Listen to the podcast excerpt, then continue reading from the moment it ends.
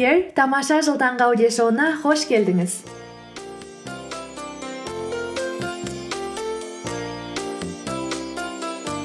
Қайырлы күн қазақстан және барлық әлем. Бұл күн шуағымен жарыса оянып күнін жаңа идеямен қуанышпен бастағысы келетіндердің аудиоблогы бақытты болу ол біздің таңдауымыз.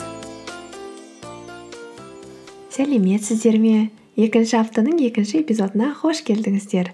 Бүгін біз су туралы сөйлесетін боламыз.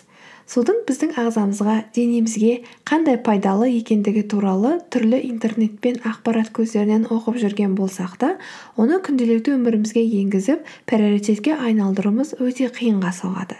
Кейбіреуіміз бір екі апта бастап суды ішіп жақсылап жүрсек те кейін ол жайлы ұмытып кетеміз. Қысқаша факт. Біздің денеміздің жетпіс процентіне жуығы судан тұрады. Ал қанымыздың тоқсан проценті ол су. Ең алдымен бізге не үшін су ішу керек деген сұраққа жауап беріп көрейік. Әрине мен дәрігер немесе биолог емеспін. Оған қарамастан сізге өз түсінгенімді жеткізіп көрейін. Біздің денеміздегі барлық мүшелер мен жасушалардың дұрыс жұмыс атқару үшін су қажет.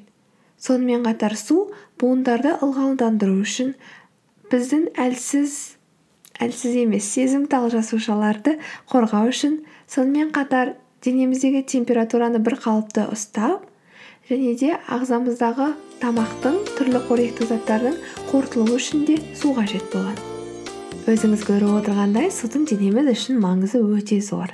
Себебі ол барлық процесстерге қатысады. Күнделікті өмірімізде денеміз судың ішіндегі судың бір бөлігін жоғалтады. Сол жоғалтқан бөлігін қайтадан алмастырып отыру керек. Біз суды өзіміз білетіндей тек қана терлегенде немесе зәр шығарғанда ғана жоғалтып қоймай сонымен қатар тіпті демалған өзінде де жоғалтады екенбіз. Сонымен қатар су минералды және қоректік заттарды денеміздегі әрбір жасушаға жеткізумен сонымен қатар қалдық заттарды денеміздің сыртынан шығарып тастауға көмектеседі. Оның осындай функцияларды орындауы бүйрек үшін қандай маңызды екендігін көрсетеді.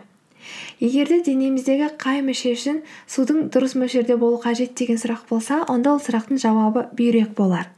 Су бүйректің дұрыс жұмыс істеуінде өте үлкен орын алады. Егер де су жетіспеген жағдайда онда бүйрек дұрыс жұмыс дұрыс жұмыс істемей бастайды. Нәтижесінде қалдық заттар мен артық сұйықтық біздің денеміздің ішінде қалып қояды. Бұл ең соңында бүйректің толықтай жұмысын тоқтатуына дейін алып келуі мүмкін. Иә қорқынышты иә. Біздің қоғамымызда бүйректе тас жиналып қалу деген жиі кездеседі. Ғалымдар дәрігерлер оның басты себебінің бірі адамның денесінде судың жетіспеуінде деп айтады.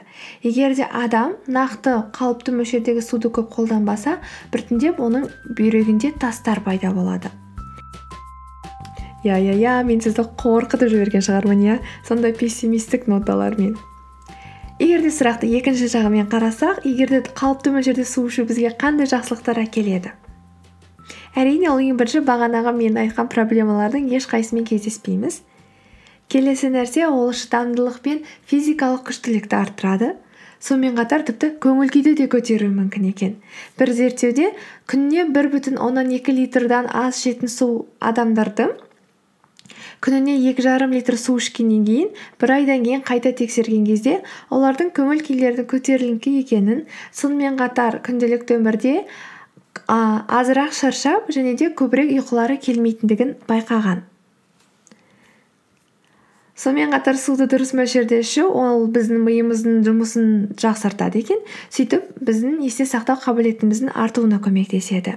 Тіпті кейде басыңыз ауырып тұрған кездер болған жағдайда онда екі стакан су ішіп жарты сағат күтсеңіз ол да бас ауруын тоқтатуы мүмкін.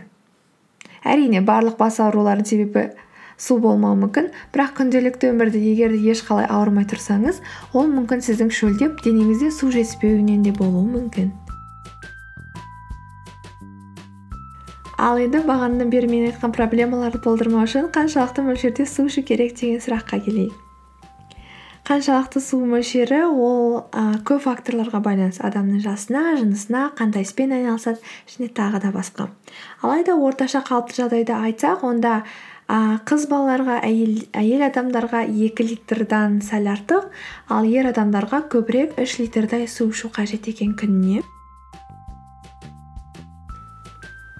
Біз суға деген қажеттілігімізді арнайы бөтелкедегі суларды сатып алу арқылы сонымен қатар крандағы суды фильтрлеу арқылы тікелей қабылдай аламыз.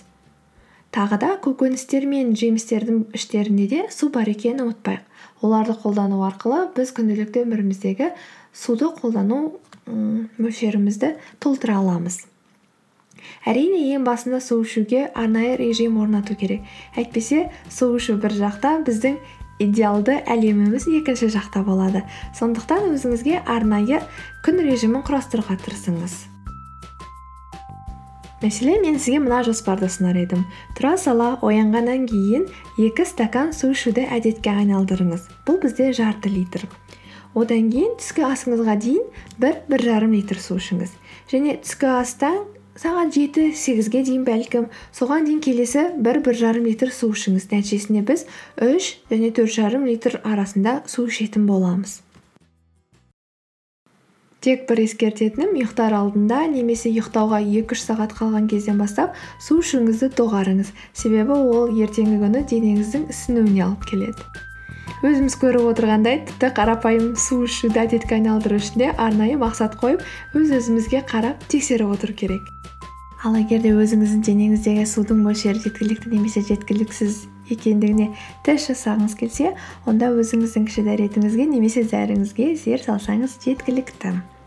Егер де ол қою және де түсі білмеймін апельсиннің қабығына немесе сәбіздің түсіне көбірек ұқсас болса онда сізге су жетіспейді деген сөз. Ал егер де зәріңіз сұйық ашық түсті мөлдір болса онда сіздің денеңізде су жеткілікті дегенді білдіреді.